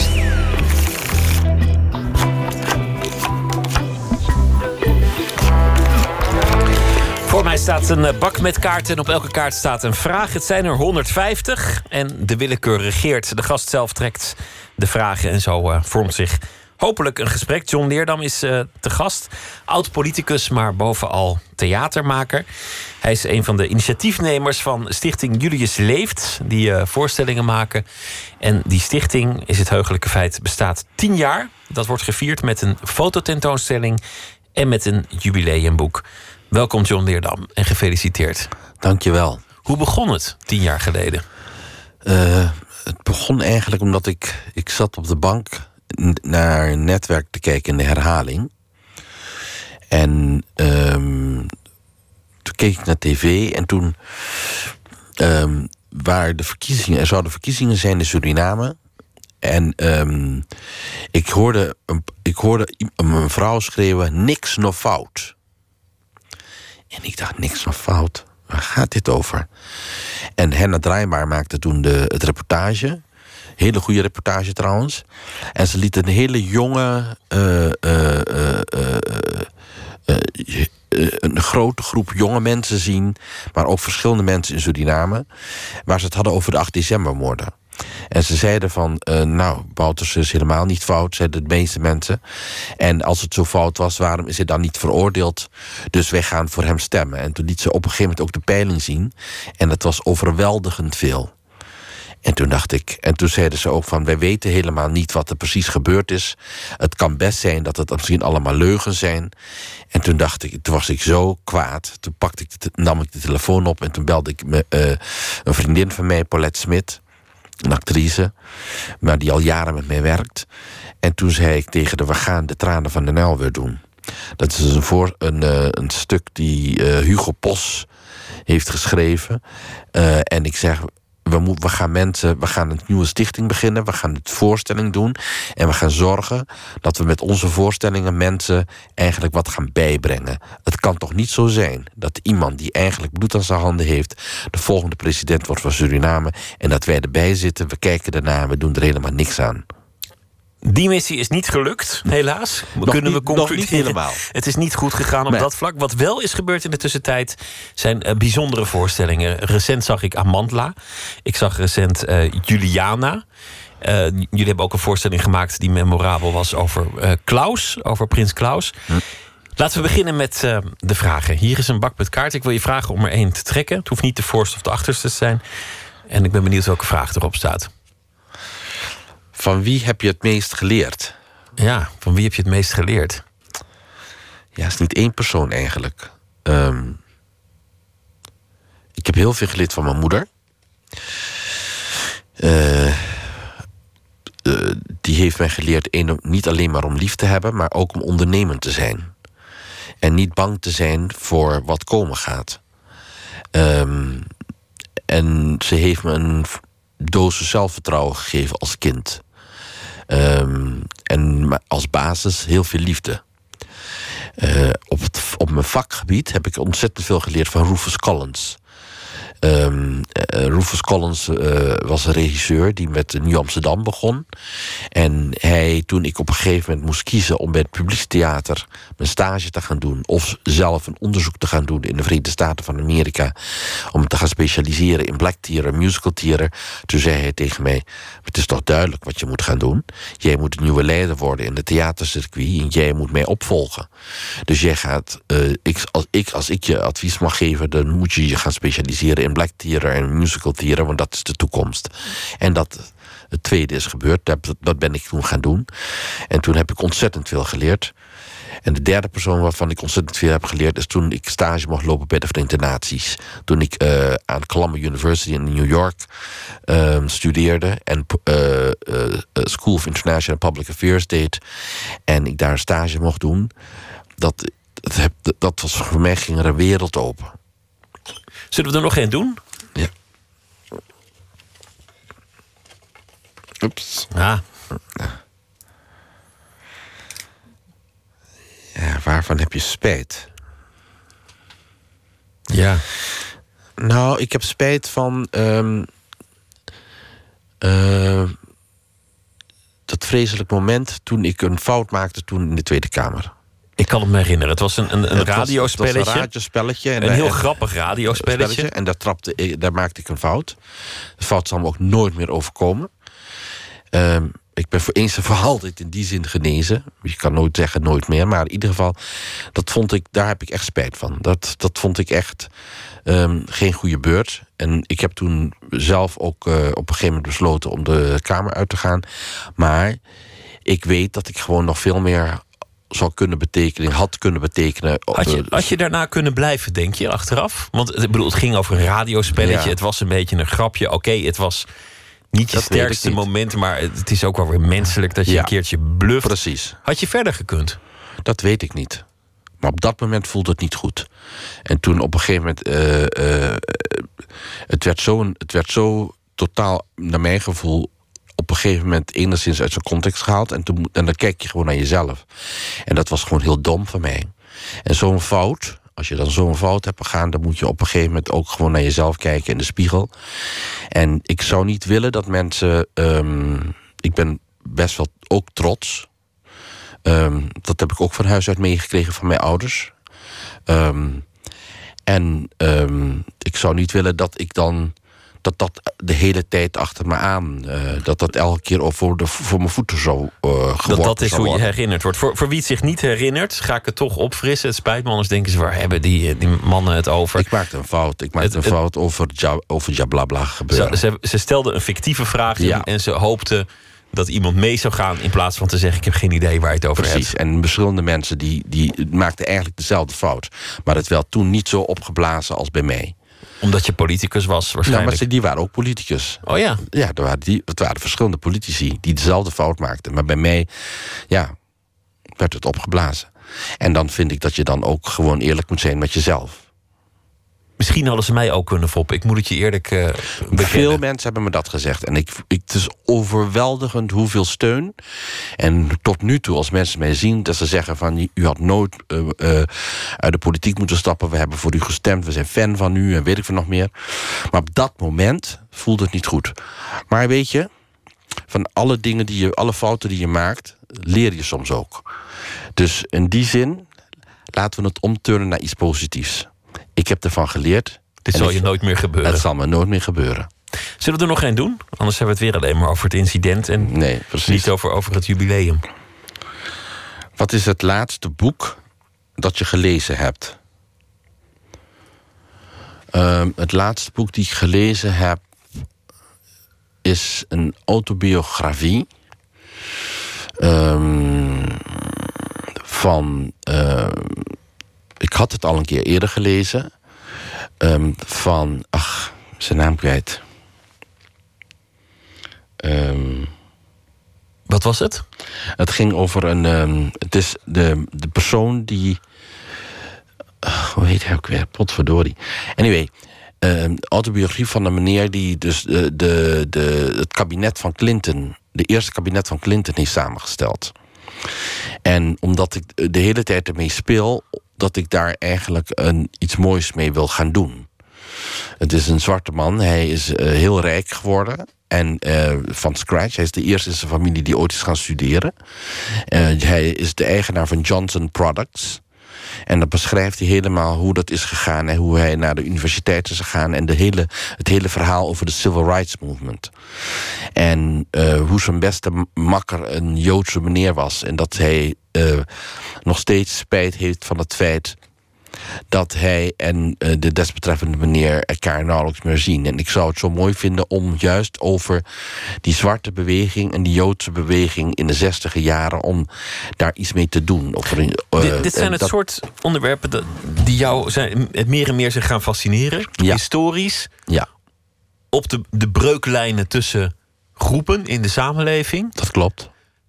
En dan liefst ook nog op één belangrijk historisch persoon gericht. Er moet wel een, een, een soort persoonlijk drama zijn of, Ja. of spanning. Dat klopt. Dat is inderdaad waar. Dat heb je goed gezien.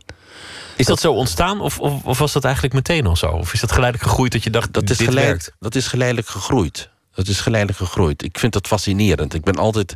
Want als je één persoon hebt, dan kan je echt helemaal in de persoon duiken. En ehm, ik, ik denk dat als ik. eh, eh, ik vind sowieso. eh, historische figuren of historische momenten. Ik weet dat ik op de middelbare school erg hoog scoorde ehm, eh, met geschiedenis. En dat fascineerde me. Ik, ik, ik, ik, ik las de boeken niet en ik leerde de, het stof niet gewoon uit mijn hoofd. Ik dook er echt in en ik wou altijd meer en meer en meer weten. Dus misschien had ik misschien historicus moeten worden. Ik weet het niet. Maar in dit geval, in theater, is het. Ik vind dat er zo weinig besef is, het, zo weinig historisch besef is. Dat alles gaat zo snel. Mensen staan niet meer stil over wat er eigenlijk. eh, wat de geschiedenis is en hoe dingen opeens zijn geworden zoals ze vandaag de dag wel zijn. En er zit vaak ook een relativering in, die, die ik nog wel eens mis. Als je, als je nu in de krant leest dat we in een crisis in de democratie zitten, dan denk ik, nou pakken ze geschiedenisboeken, het is wel eens erger geweest. Dat klopt. En ik denk van, eh, plaats dingen in een historisch besef en, en verdiep je even over hoe het is. Cultureel erfgoed is ook niet zomaar, eh, eh, eh, is ook niet zomaar van waarde. Weet je, hoe is, het, hoe is het gekomen dat mensen hier in Nederland zijn komen wonen? Hoe is het gekomen dat de Nederlanders op de Antillen of op de eilanden in het Caribisch deel van het Koninkrijk terecht zijn gekomen? Of in Suriname of in Indonesië? Wat is daar nou gebeurd? En als ik dat soort programma's of eh, eh, films zie, eh, ja, dat, vind ik gewoon fascinerend. Dat, dat, dat boeit mij en dat vind ik mooi. En ik merk dat ik altijd iets heb met geschiedenis. Dat raakt mij. En zeker als het persoonlijk is. Bijvoorbeeld over de civil rights. Ehm, en alles wat daarmee gepaard gaat. De strijd die mensen hebben moeten voeren. Om, iets om, om het beter te krijgen. Ehm, en ja, dat, dat, dat vind ik spannend. Zullen we er nog één doen? Heb je tatoeages? Aha. Nee, ik vind ze vreselijk. Oh, dan moet je er ook geen nemen. Stel, stel dat je er één zou nemen, omdat, om wat voor reden ook. Wat zou je dan tatoeëren? Wel- Welk symbool zou je dan... Of, of, of wiens naam of, of welke datum? Of... Ik, ik, ja. Dan zou ik gewoon mijn geboortedag eh, misschien eh, laten tatoeëren. Maar ja, die kan je ook nog onthouden. Daar heb je geen datum voor nodig. Of de, eh, de, de datum van de, geboorte, de geboortedatum van mijn vrouw. Dat is ook mooi. Of de, de dag dat jullie elkaar tegenkwamen. Maar misschien weten jullie dat niet meer. Ja, dat weten we wel zeker. Wij, wij, kennen, wij zijn nu al bijna eh, vijf en een half- vijfent- 25 en een half jaar getrouwd. Eh, we kennen elkaar bijna 30 jaar. En ehm, op 25 september. eh, eh, dat is een speciale dag voor ons. Want toen hebben we, zijn, we zijn we ooit begonnen met verkering. Maar het hoeft niet meteen een tato eh, te Nee, worden. ik, ik, ik vind dat. Ik, nee, ik vind dat niks. Ik vind. eh, nee, dat is, niet, dat is niet aan mij besteed. John Leerdam, dank je wel. En heel veel eh, plezier met het eh, jubileum en met alle voorstellingen die je gaat maken. Dank je wel. Dank je wel. Ze is 18 jaar oud, de Britse zangeres Georgia Smith. En wat ook opvalt is dat ze overdag eh, werkt bij Starbucks. En dit nummer eh, heeft ze gezongen, Blue Lights.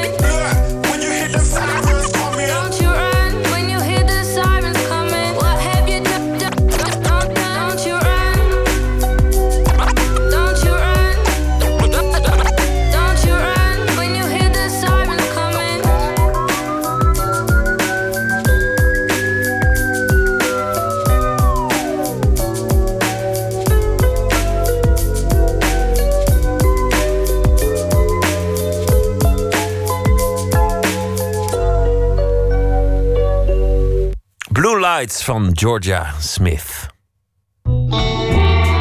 Nooit meer slapen. Mooi filmnieuws vandaag. Het eh, werd bekend dat Paul Verhoeven met zijn speelfilm L in de competitie zit voor de Gouden Palm op het filmfestival in Cannes. Onze nachtcorrespondent is Luc Heesen. Luc, welkom. Dat is toch altijd mooi als eh, op die, eh, in die selectie op dat prestigieuze festival ook wat Nederlanders zitten. Ja, zeker. De laatste keer was drie jaar geleden met Alex van Warmerdam. Voor Borgman was hij geselecteerd. En dit jaar hebben we dus Paul Verhoeven en Michael Dudok de Wit. Die heeft een lange animatiefilm, The Red Turtle.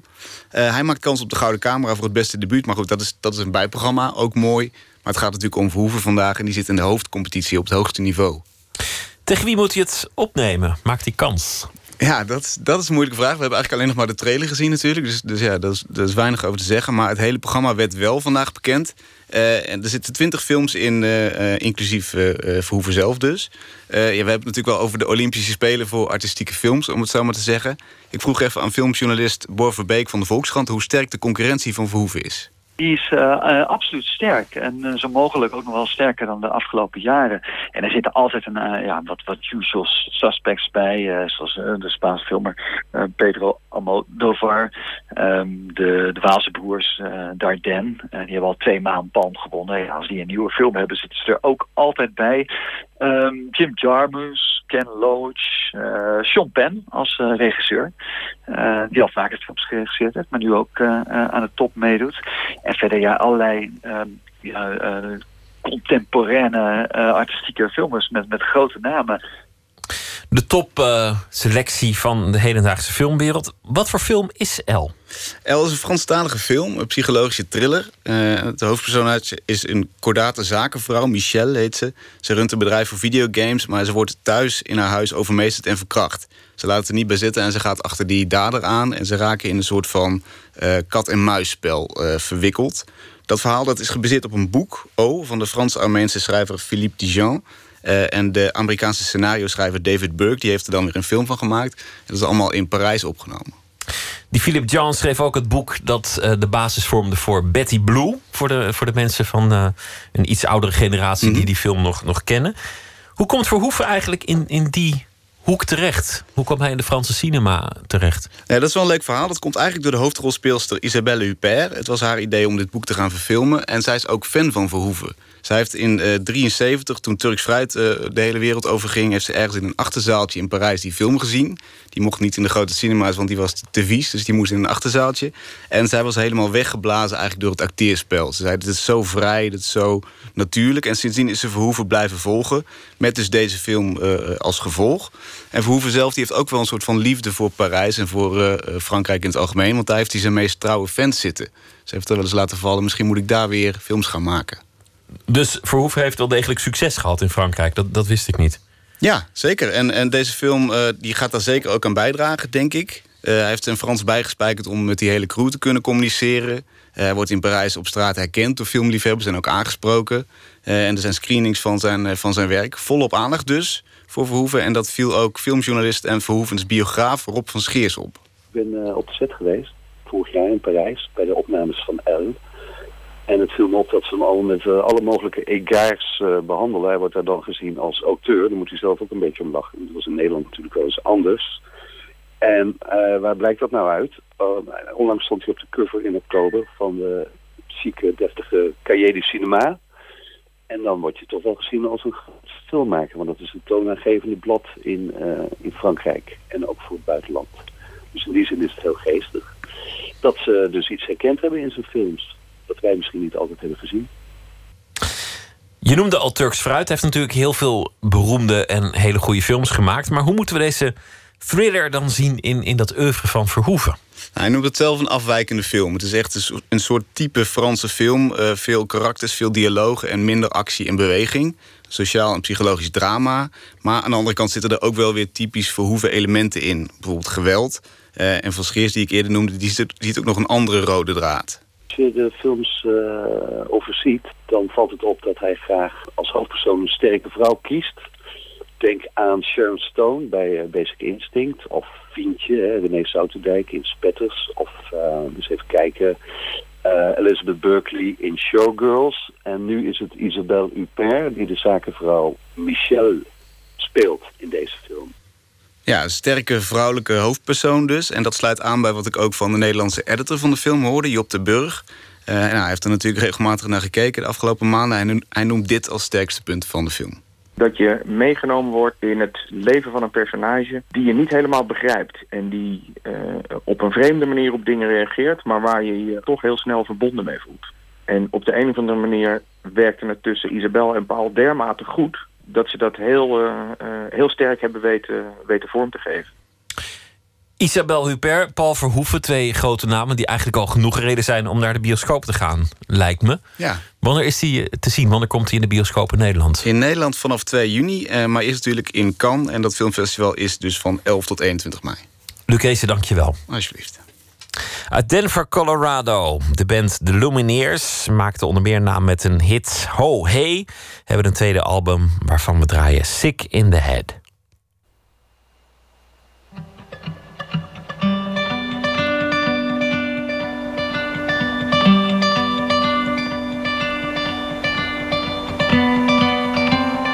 People say I'm no good. Write me off, oh yes. Fuck them, they're just sick in the head.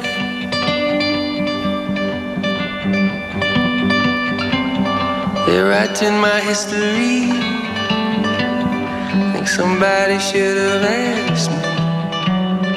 Everyone was safe in their beds, their beds, and I said, I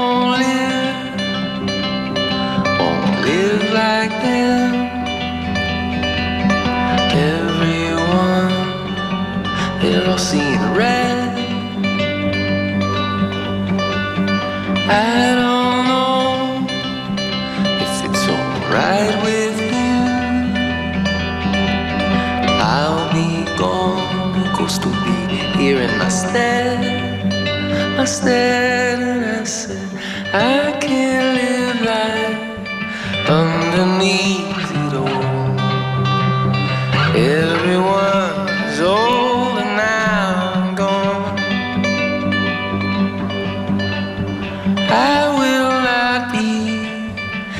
here let's just make this count a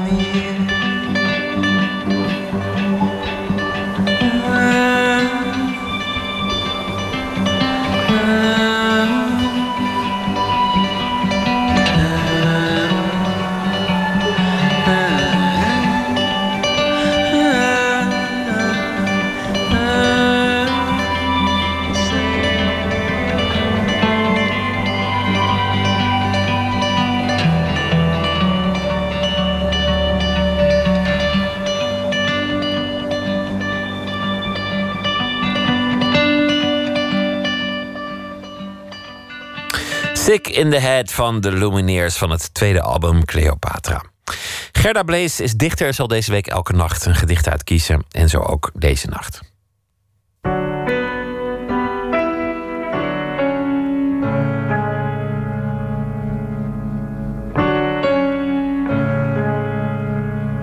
Ik ga nu het gedicht Het Raadsel van het Oneindig Kleine lezen. En dat is een gedicht van Mark Strand, een Canadees-Amerikaanse dichter. Uh, en hij, zijn laatste bundel uh, heet Bijna Onzichtbaar. En dat is een bundel van eigenlijk korte proza gedichten. Die allemaal gaan over mysterieuze dingen die je misschien overal wel kunt zien. Uh, en een van die dingen is het raadsel van het oneindig kleine. En dat vind ik zelf heel mooi, want als je het gedicht eenmaal gelezen hebt, dan ga je ook anders kijken naar dat oneindig kleine wat hij beschrijft. Het raadsel van het oneindig kleine. Je hebt ze in de schemering langs de oever zien lopen. Gezien hoe ze in de deuropening leunen, uit ramen hangen of boven de traag bewegende rand van een schaduw staan. Als liefhebbers van niemands land zijn ze hier nog daar, binnen nog buiten. Arme zielen, ze moeten het onmogelijke ervaren. Zelfs nachts liggen ze in bed met het ene oog dicht en het andere open, in de hoop het laatste moment van bewustzijn en het eerste van slapen te vangen. Die schitterende plek, die drempel te bewonen en, zoals alleen goden vermogen, de lichtgevende versmelting te aanschouwen van alles en niets. Het raadsel van het oneindig kleine. Een gedicht van Mark Strand, gelezen door Gerda Blees. Morgen zit hier Esther Naomi Perkin en die zal praten met Nina Spijkers, een van de vaste regisseurs van toneelschuurproducties, het Haarlemse Theatergezelschap. En ook op bezoek komt Janne Schra, de zangeres en liedjesmaker, in de rubriek Open Kaart. En uh, nog heel veel andere dingen. Wens ik u nu een hele goede nacht. Straks veel plezier met de Nachtzuster. Morgen een leuke dag en ik hoop dat u dan weer zult luisteren. Goeienacht.